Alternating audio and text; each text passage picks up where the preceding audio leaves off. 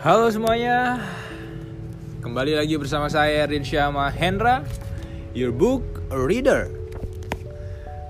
Pada podcast kali ini atau pada episode kali ini, saya akan membacakan kelanjutan dari buku Criminal Mind karya Daud Antonius, The Book of Serial Killer yang berisi profil psikologis para pembunuh berantai.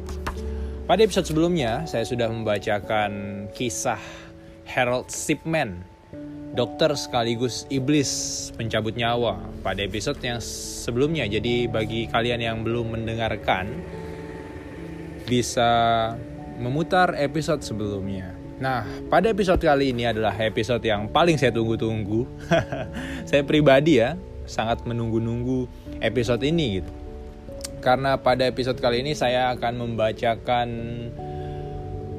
uh, bab atau bagian yang mengisahkan uh, seorang pembunuh berantai pertama di Amerika Serikat yang uh, sangat terkenal lah ya uh, terutama bagi orang-orang bagi para penggemar kisah-kisah misteri kisah-kisah pembunuhan itu pasti sudah tahu banget nih soal kisah ini gitu.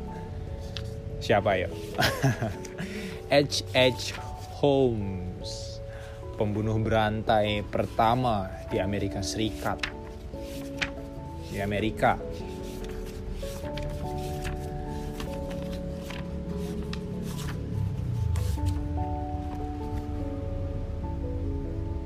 Pertama, kita mulai dari profil lengkapnya.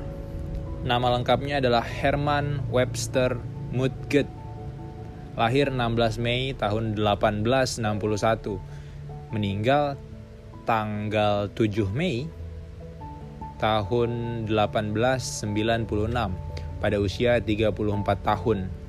Dihukum mati lewat hukuman gantung. Tuduhannya adalah yang pertama penipuan, pemalsuan dokumen, dan pembunuhan. Jumlah korbannya yang terbukti hanya 9 orang,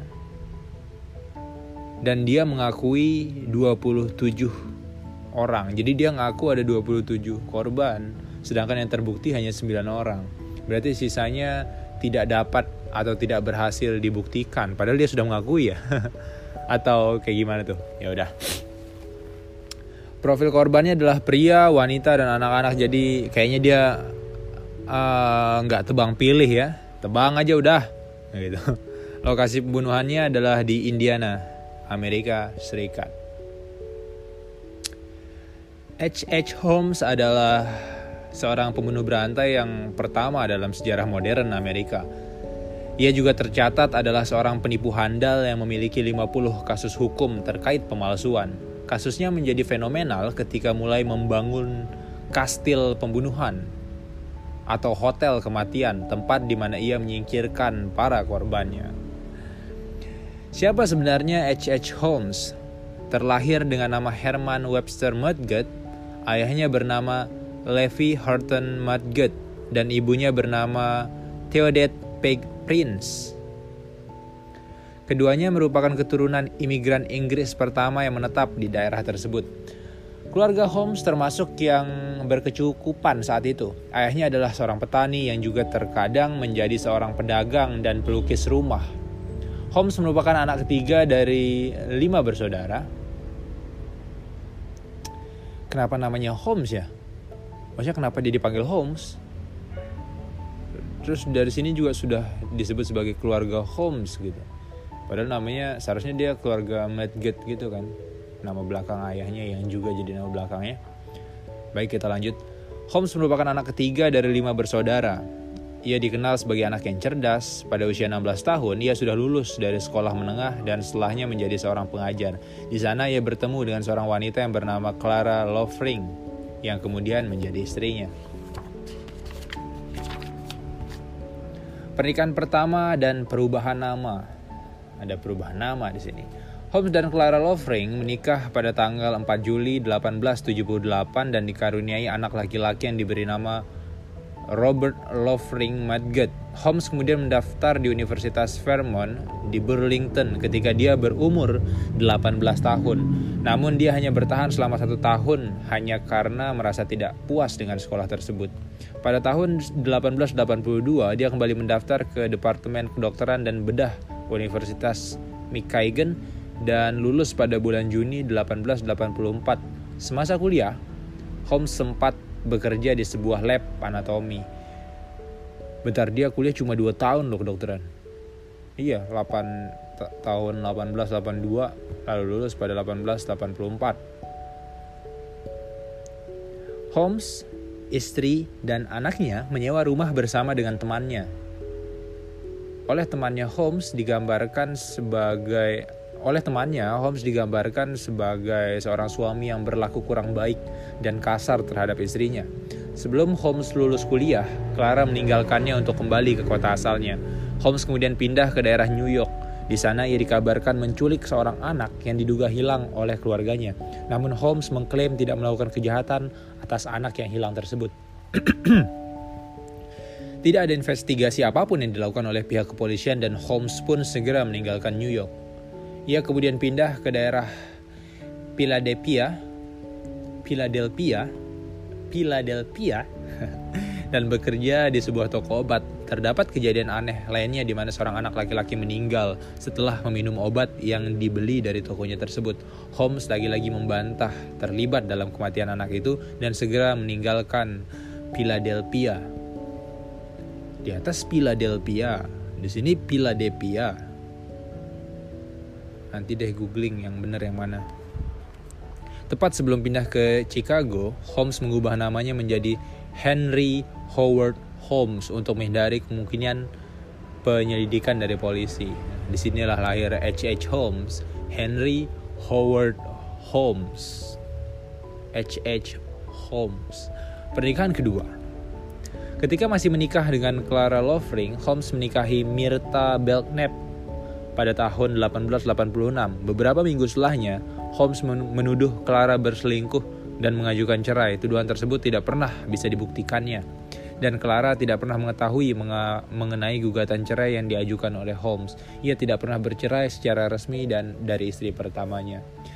Semua pernikahan yang dilakukannya diduga untuk upaya melakukan penipuan di berbagai kota yang didatangi. Holmes selalu berpindah-pindah dari satu kota ke kota lain dalam menjalankan pekerjaannya dan pada tahun 1886 ia pindah ke Chicago dan bekerja di sebuah toko obat milik Elizabeth S. Halton.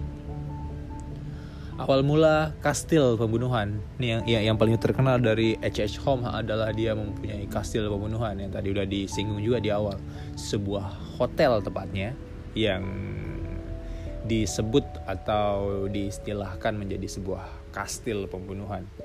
Menurut catatan Holmes, ia bekerja sangat keras di Chicago dan berhasil membeli toko obat tempatnya bekerja. Wow, saking kerasnya dia kerja.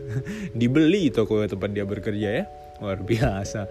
Namun terdapat asumsi bahwa Holmes membunuh Halton dan suaminya untuk mendapatkan toko tersebut. Karena bisnisnya atau malah penipuannya yang sedang maju saat itu Holmes kemudian membeli tanah kosong yang terletak di seberang toko obat. Di tanah tersebut ia kemudian membangun sebuah gedung tiga lantai yang dijuluki sebagai kastil oleh orang di sekitarnya pembangunan dimulai pada tahun 1887. Sempat menjadi kontroversi karena kontraktor menuntut Holmes akibat tidak membayar arsitek dan bahan bangunannya. tidak membayar arsitek. Udah nggak dibayar arsiteknya, bahan bangunannya juga nggak dibayar ya Tuhan. Holmes menggunakan trik licik dalam pembangunan, di mana ia menyimpan beberapa furnitur di ruang rahasia memecat para pekerja di tengah pekerjaan dan menggantikannya dengan yang lain dengan tujuan tidak membayarkan upah mereka. Holmes menggunakan lantai satu untuk toko obat dan menyewakan juga beberapa etalasenya.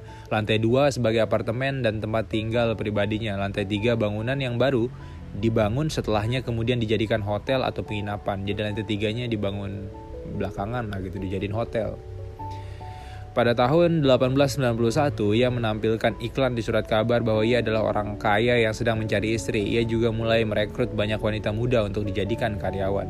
Yang menariknya, semua karyawan dan tamu hotel diwajibkan memiliki polis asuransi jiwa dan Holmes menjadi ahli warisnya.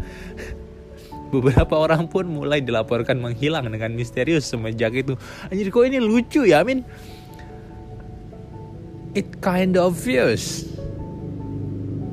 kayak aneh banget gak sih? Ini sangat menarik sih. Aku baca ulang ya.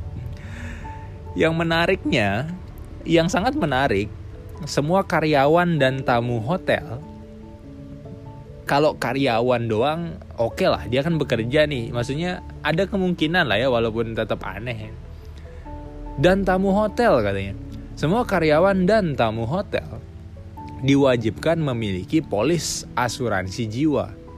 Dan Holmes menjadi ahli warisnya. It's so funny. Beberapa orang pun mulai dilaporkan hilang dengan misterius semenjak itu. Jadi di sini ada sebuah ilustrasi rancangan gedung milik H. H. Holmes.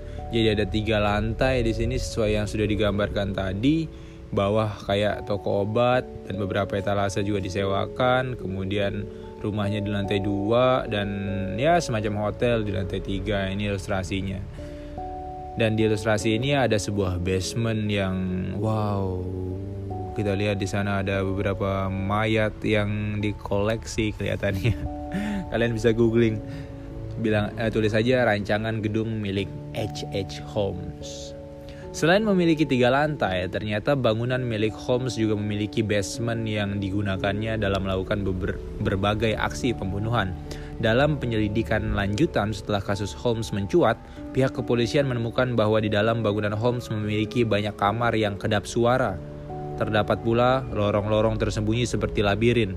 Setiap kamar setiap kamar lantai 2 dan 3 juga memiliki akses seluncur langsung menuju ke basement oh, wow seluncur langsung loh kayak prosotan di ruang bawah tanahnya juga ditemukan berbagai peralatan medis meja bedah yang terlihat seperti ruang penyiksaan, cairan asam, cairan kapur, dan berbagai alat kremasi, pembakaran atau pengawetan mayat, dan tungku pemanas di mana ia menghilangkan jejak mayat para korbannya. Pembunuhan dan beberapa korbannya. Walaupun masih menikah dengan kedua istrinya, Holmes juga menjalin sebuah hubungan rahasia dengan Julia Smith Connor yang juga diduga merupakan salah satu dari korban pembunuhan pertama Holmes. Julia sebelumnya masih memiliki suami bernama Ned Connor. Julia dan suaminya tinggal di gedung milik Holmes dan bekerja menjaga salah satu stand perhiasan yang ada di lantai satu gedung tersebut. Setelah suaminya mengetahui perselingkuhan Julia dengan Holmes, ia meninggalkan Julia bersama dengan anak mereka yang bernama per pearl pearl pearl. Yang kayak black pearl gitulah. Kayak kayak kapalnya Jack Sparrow. Nah tulisannya kayak gitu. Black pearl. Tapi sih namanya pearl. Anjir. Menurutku nggak cocok banget ya Inggris Inggris gitu. Julia dan Holmes masih melanjutkan hubungan mereka setelahnya. Pada malam Natal tahun 1891, Julia dan Pearl menghilang dengan misterius. Holmes menyampaikan Julia meninggal setelah melakukan aborsi dan Pearl menghilang tanpa diketahui namun tidak ada yang tahu apa yang sebenarnya terjadi pada mereka. Sejak bulan Mei 1892, seorang wanita yang bernama Emmeline Kigrande Kig, Kigrande Kick Grande tulisannya, juga menghilang secara misterius. Ia adalah seorang pegawai Holmes yang juga diduga adalah kekasihnya. Gadis lainnya yang merupakan tetangga Holmes, Edna Van Tassel, juga menghilang pada waktu yang hampir bersamaan. Ia diperkirakan sebagai salah satu korban yang hilang karena aksi Holmes. Di tahun yang sama, Holmes berkenalan dengan Benjamin Pitzel. Ketika sedang memasang iklan untuk mencari seorang tukang kayu, Benjamin adalah seorang yang, yang alkoholik dan memiliki catatan kriminal. Setelah saling kenal, mereka pun merasa cocok dan menjadi dekat. Benjamin kemudian diketahui menjadi tangan kanan Holmes dalam melakukan beberapa aksi kriminalnya. Pada awal 1893, seorang aktris bernama Minnie William pindah ke Chicago dan Holmes menawarinya pekerjaan di hotel sebagai sekretaris pribadinya. Minnie menerimanya. Holmes juga membujuknya untuk memindahkan surat kepemilikan properti kepada salah seorang bernama Alexander Bond yang ternyata adalah nama lain dari Holmes. Minnie dan Holmes juga pernah memperkenalkan diri sebagai pasangan suami istri. Saudara perempuan Minnie sempat datang untuk mengunjunginya, tapi setelah itu mereka tidak pernah terlihat lagi. Pada tahun 1893, Chicago menjadi tuan rumah penyelenggaraan Festival Kebudayaan Amerika selama bulan Mei sampai Oktober dan menarik ribuan orang dari seluruh dunia. Holmes memanfaatkan kesempatan ini untuk membuka hotelnya, Murder Castle. Kastil pembunuhan milik Holmes hanya berjarak sekitar 5 km dari pusat pameran. Inilah yang menjadikannya sangat ramai oleh pengunjung, tapi beberapa dari mereka dilaporkan menghilang setelahnya. Hal lain yang dilakukan Holmes untuk menarik pengunjung yang dijadikan korban adalah dengan memasang iklan di koran tentang hotelnya. Ia juga menghadiri berbagai pameran dan berpakaian layaknya seorang dokter profesional, menebar pesonanya, memperkenalkan hotelnya dan menarik beberapa orang potensial yang menjadi target utamanya adalah para wanita kaya. Sekitar bulan Agustus di tahun yang sama, terjadi kebakaran yang cukup besar di lantai tiga gedung milik Holmes. Beruntungnya ketika itu hanya beberapa orang yang terdapat di sana. Penghuni dan karyawan juga berhasil lolos dari kebakaran tersebut. Terdapat asumsi bahwa itu adalah kebakaran yang disengaja Hal ini karena Holmes telah mendaftarkan gedung tersebut setidaknya keempat perusahaan asuransi. Namun perusahaan asuransi malah menuntutnya karena kebakaran tersebut, bukan membayarkan ganti rugi. Holmes akhirnya meninggalkan Chicago untuk menghindari segala tuntutan. Selain pembunuh penipu ulung memang Holmes nih. Penangkapan dan penjara pertama Holmes kemudian muncul kembali di salah satu daerah bernama Fort Worth. Di sana ia mewarisi properti milik Minnie, korbannya yang sebelumnya menghilang tanpa jejak. Di tempat barunya, Holmes berencana untuk membuat kastil baru. Ia menggunakan metode sebelumnya dengan cara penip dengan cara menipu para supplier, menyembunyikan barang mereka dan memecat beberapa pekerja di tengah pekerjaan agar tidak berkewajiban membayar. Juli 1984 adalah momen di mana pertama kalinya Holmes ditangkap dan dipenjara. Ia dihukum karena menjual beberapa barang yang sedang digadaikan. Ia kemudian bebas karena membayar jaminan. Namun di sinilah ia bertemu dengan seorang penjahat lainnya bernama Marion Head Marion H. Ya, Marion H yang sedang menjalani hukuman 25 tahun penjara. Bersama Marion, Holmes mendapatkan rencana kejahatan baru untuk dilakukannya. Bersama dengan Marion, Holmes merencanakan penipuan asuransi. Ia berencana untuk memalsukan kematian dirinya sendiri dengan polis senilai 10 ribu dolar. Marion dijanjikan uang 500 dolar untuk mencarikan pengacara yang bisa diajaknya bekerja sama dalam aksi tersebut.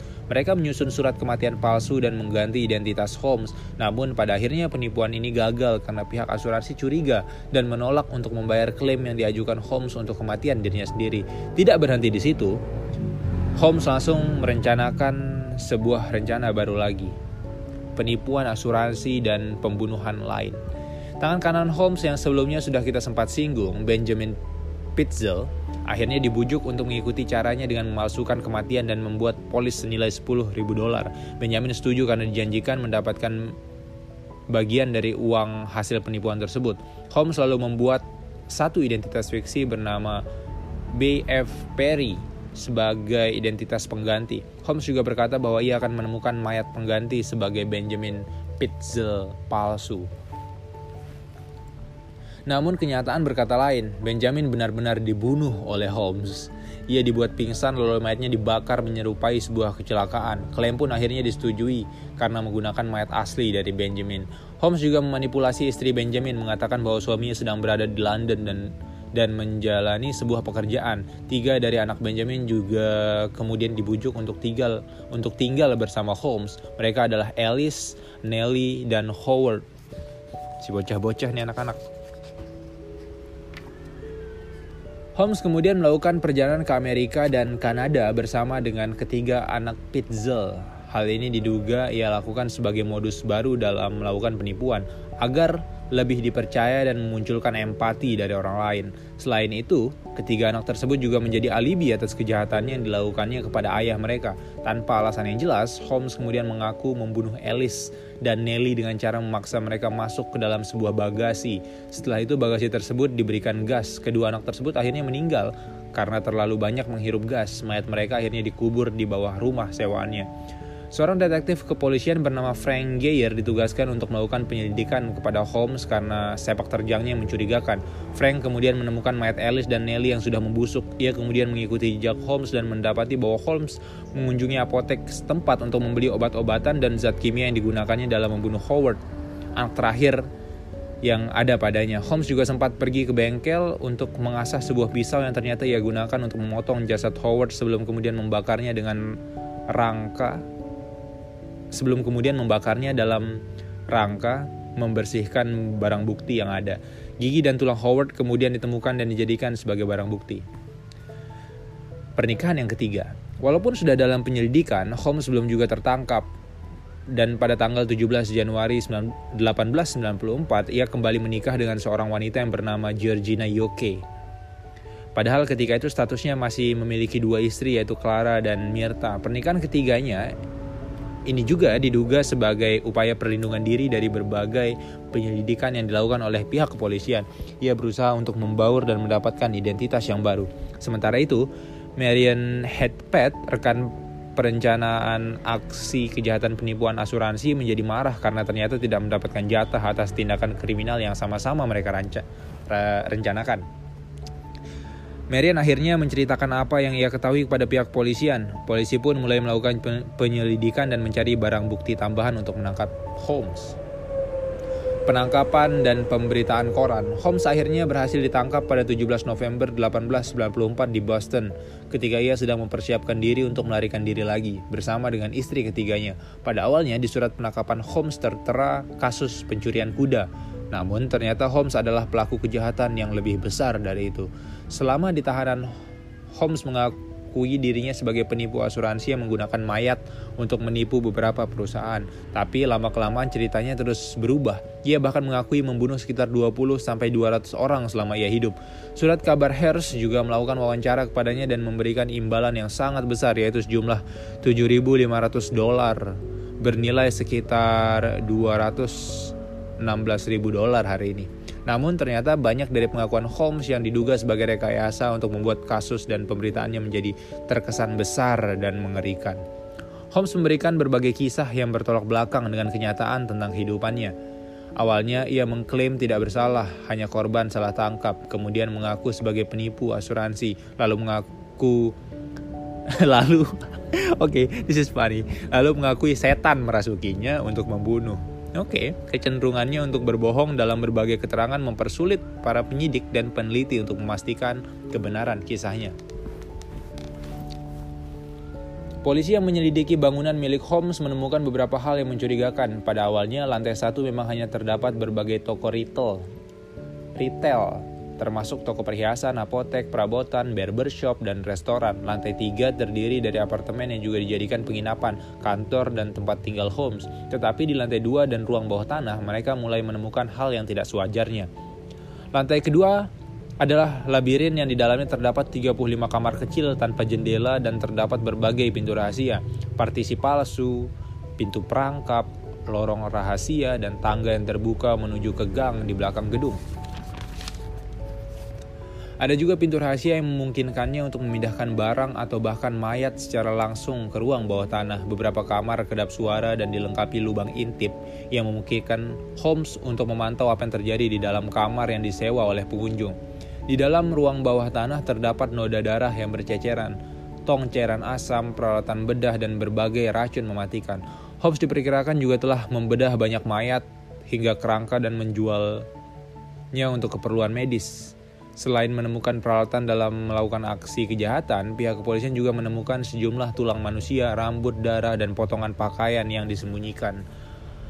Hukuman, permintaan terakhir, dan kematian. Selama persidangan, Holmes menjadi pembela untuk dirinya sendiri, sama kayak Ted Bundy berarti. Dia menjadi pengacara buat dirinya sendiri lah intinya gitu. Dia sempat mengajukan pembelaan dan banding atas putusan, tapi keduanya ditolak. Berdasarkan bukti yang ada, Holmes dinyatakan bersalah karena telah membunuh rekannya sendiri, Benjamin Pitzel beserta dengan ketiga anaknya, yaitu Alice, Nellie, dan Howard. Holmes dijatuhi hukuman mati dengan cara digantung dan eksekusi dilakukan pada 7 Mei tahun 1896. Dalam keterangan lanjutan, Holmes mengaku telah membunuh 27 orang, namun beberapa dari orang-orang itu kemudian ditemukan masih hidup dan sehat. Ia secara resmi dikatakan dikaitkan dengan 9 pembunuhan. Beberapa memperkirakan Holmes telah membunuh hingga 200 orang, tapi klaim ini diperkirakan berlebihan hanya untuk popularitas dan juga menarik minat para pembaca berita. Tepat sebelum eksekusi, Holmes terlihat tenang dan ramah meskipun juga menunjukkan beberapa ciri ketakutan dan depresi. Satu-satunya permintaan yang dimilikinya adalah agar tubuhnya dikubur sedalam 10 kaki ke tanah dengan peti mati terbungkus semen. Hal ini dikarenakan ia tidak ingin perangkop Ia tidak ingin perampok makam menggali tubuhnya dan menggunakannya untuk pembedahan. Ketika Holmes menjalani hukuman gantung, ia juga tidak mati begitu saja. Menurut keterangan saksi, lehernya tidak patah dan ia mati secara perlahan, tercekik dan tubuhnya berkedut selama kurang lebih 20 menit. Baru kemudian mati. Wow. Scary and hurtful. Uh, aku baca ulang. Ketika Holmes menjalani hukuman gantung, ia juga tidak mati begitu saja. Menurut keterangan saksi, lehernya tidak patah dan ia mati secara perlahan, tercekik dan tubuhnya berkedut selama kurang lebih 20 menit baru kemudian mati. Masa lalu Holmes yang jarang terungkap Berdasarkan buku Serial Murders and Thief Victim karangan Eric Hickey terungkap bahwa masa kecil Holmes didominasi oleh ibunya yang sangat metodis atau mendidik anaknya dengan tata cara agama yang penuh dengan peraturan, sedangkan ayahnya menjalankan pola disiplin dengan cara yang cukup keras melalui hukuman fisik dan mental. Bahkan beberapa kali ketika kecil Holmes dan para saudaranya menangis, ayahnya memberikan minyak tanah di bibir mereka untuk mendiamkan selama tindakan keras yang dilakukan oleh ayahnya. Holmes sering kali melarikan diri ke hutan. Di hutan itulah ia mulai mengembangkan ketertarikannya kepada ilmu bedah. Ia mulai membedah para hewan yang berada di hutan. Sebelum saya lanjut, setelah sampai ke episode ini, kita tarik ulur ke belakang.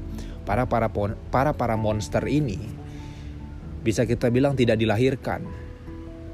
Mereka diciptakan. Diciptakan oleh cara mendidik orang tuanya, diciptakan oleh tingkah laku orang tuanya. Baik lanjut. Ada kemungkinan traumanya terhadap kekerasan selama pola asuh turut berkontribusi terhadap kebiasaannya dalam berbohong. Ia bahkan menipu untuk menyelamatkan diri atau sekedar mengambil keuntungan dari orang lain. Dalam dunia psikolog, dalam dunia psikologi, hal ini dikenal dengan sebutan pathological liar syndrome atau mitomania. Menurut laporan dari Forensic Scholar Today's, Holmes juga pernah mengalami pengalaman intimidasi dan pelecehan di sekolah. Ia pernah dikurung dalam ruang dokter di sekolahnya dan ditakut-takuti menggunakan kerangka dan tengkorak. Menurut keterangan Holmes, hal ini juga lah yang memicunya untuk tahu lebih banyak mengenai anatomi manusia. Holmes yang tertarik pada anatomi dan pembedahan mulai melakukan dilakukannya sejak remaja. Ia membedah reptil, mamalia, dan hewan yang ia temukan dan menjadi terobsesi atasnya. Ia juga mahir dalam melakukan pemotongan daging binatang di masa remaja. Holmes pernah pertama kali menyaksikan kematian teman kecilnya yang bernama Tom tewas karena terjatuh ketika bermain bersama dengannya. Beberapa juga berasumsi bahwa Holmes lah yang mendorongnya. Selain mitomania, beberapa peneliti yang mempelajari mengenai kasus Holmes juga berpendapat bahwa ia memiliki kecenderungan antisocial personality disorder (ASPD), sama seperti Ted Bundy, John Wayne Gacy, dua psikopat yang sudah kita bahas sebelumnya pada ya pada episode sebelumnya lah. Pada episode pertama, Ted Bundy dan John Wayne Gacy si badut tuh pada episode kedua. Episode ketiga sebenarnya dan Ted Bundy episode kedua. Dan Antisosial memang salah satu ciri klasik dari banyak perilaku serial killer atau pembunuh berantai. Holmes juga diketahui adalah anak yang cerdas sejak kecil, tapi tidak memiliki teman Ia memiliki dunia sendiri yang berbeda dengan kebanyakan orang seusianya. Pathological lying syndrome atau mitomania. Ketika seorang terbiasa merekayasa sesuatu dan melakukan berbagai kebohongan untuk mendapatkan pengakuan atau diterima oleh lingkungan sosialnya, orang tersebut bisa saja menderita pseudologia fantastika atau pathological lying syndrome atau yang biasa dikenal sebagai gangguan mitomania.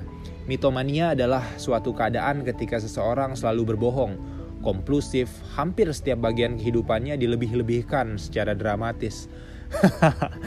I remember my lovely hmm,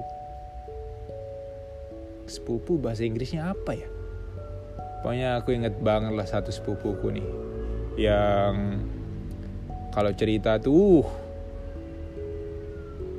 di bukan cuma dilebih-lebihin kita udah diaduk-aduk tuh kayak es cendol I will mention his name my lovely lalu Arif Budi Wijaya bahkan dalam beberapa keadaan tertentu Kebohongan tersebut bisa muncul begitu saja tanpa direncanakan. Mereka dengan mitomania juga sulit membedakan antara kebenaran dengan kebohongan.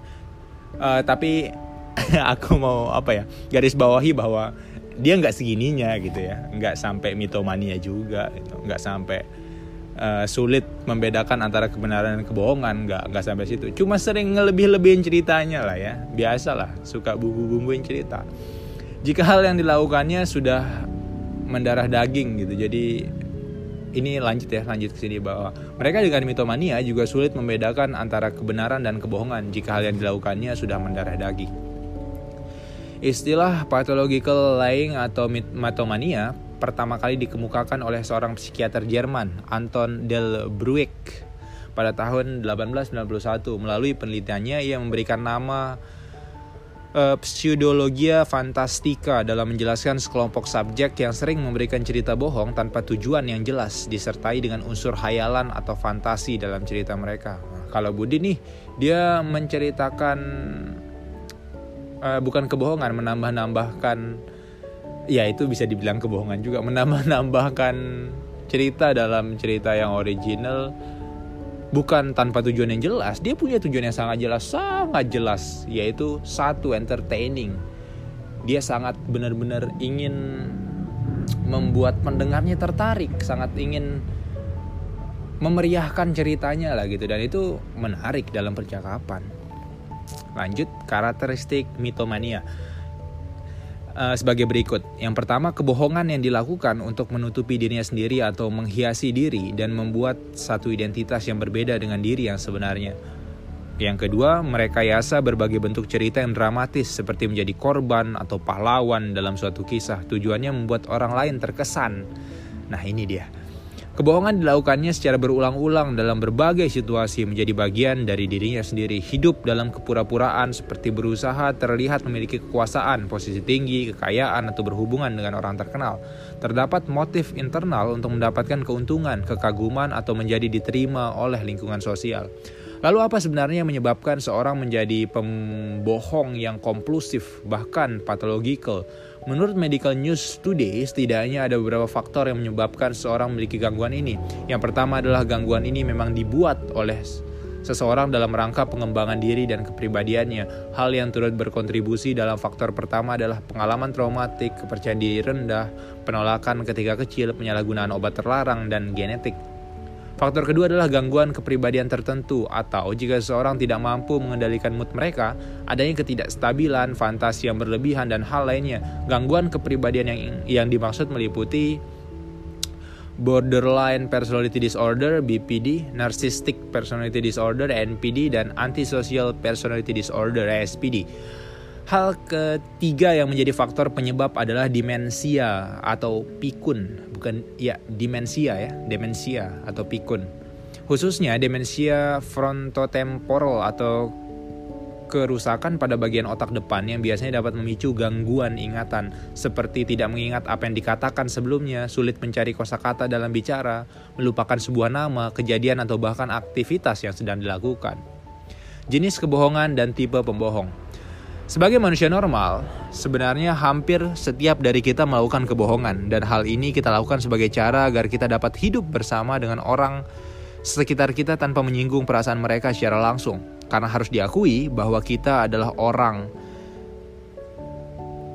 karena harus diakui bahwa kita dan orang sekeliling sering kali lebih suka mendengar kebohongan yang halus daripada suatu kebenaran yang nyata dan pahit.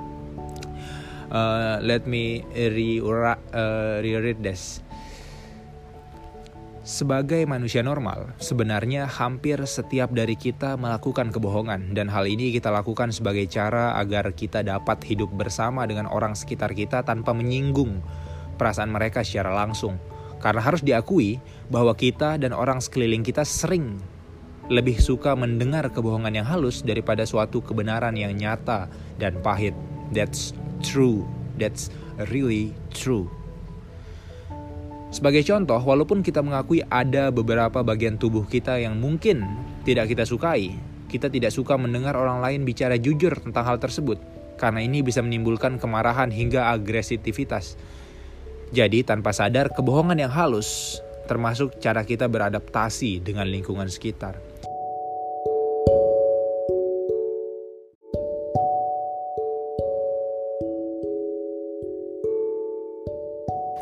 Berikut ini adalah beberapa jenis kebohongan yang dirangkum berdasarkan buku psikologi yang berjudul Gesture: The Secret of Body Language and Facial Expression.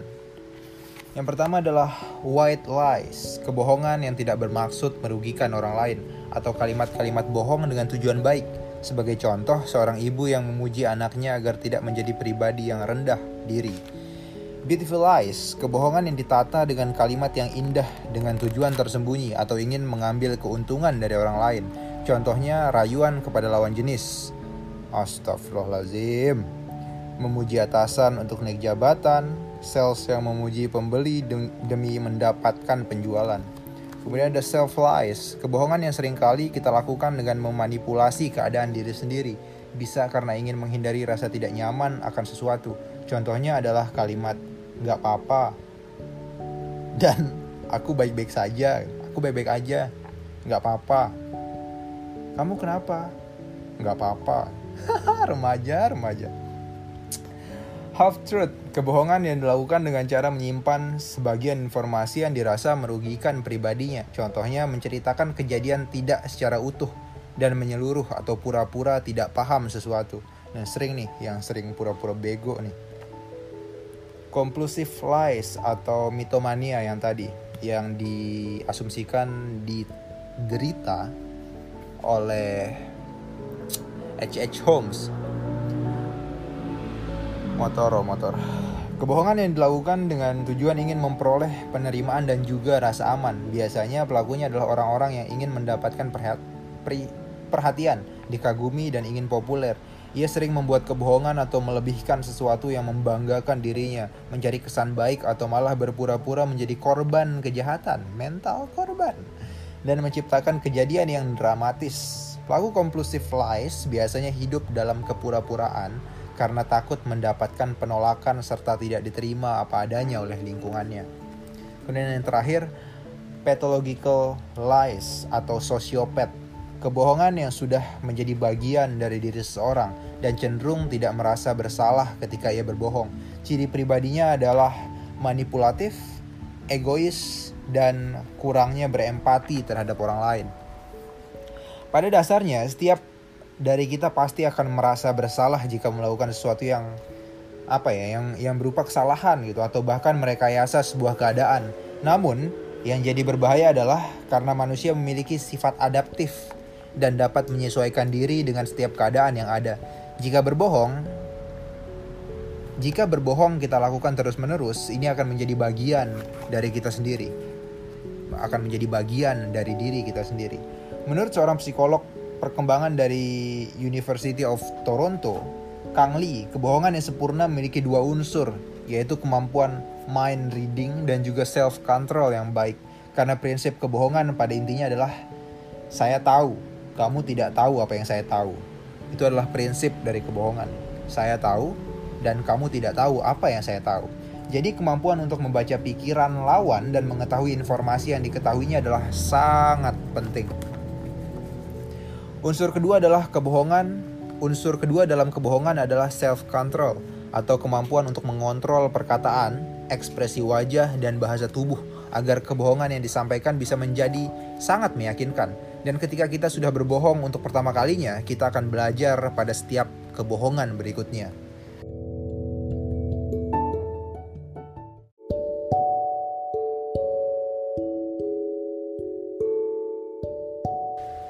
Oke, dan berikut ini merupakan tipe pembohong yang mungkin akan kita temui, atau malah kita mungkin termasuk di dalamnya.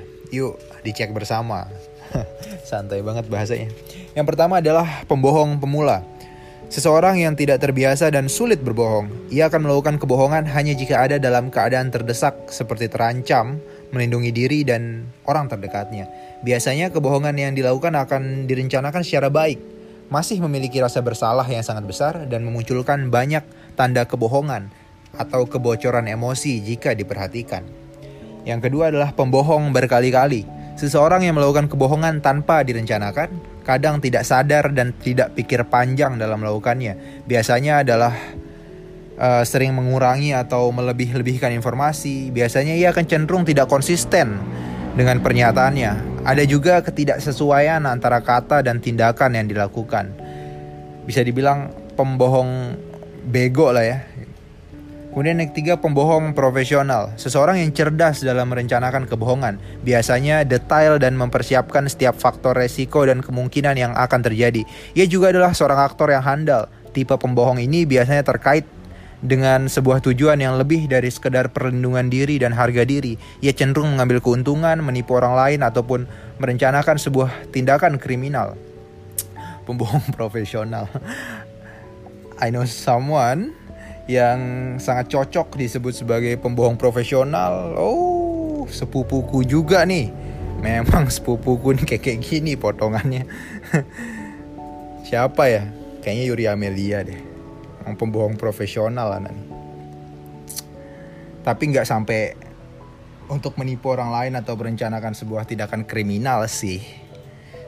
nggak sampai sana. Kemudian yang terakhir dan bisa dibilang sebagai penutup untuk episode ini uh, yang membahas H.H. Holmes, pembohong disosiasi. Seseorang yang sulit membedakan mana kenyataan ataupun kebohongan adanya ketidaksadaran, memiliki obsesi yang besar terhadap apa yang ia percayai, membayangkan dan menginginkan sesuatu yang sebenarnya tidak ada serta mengabaikan kenyataan yang sebenarnya sudah masuk ke dalam tahap delusional.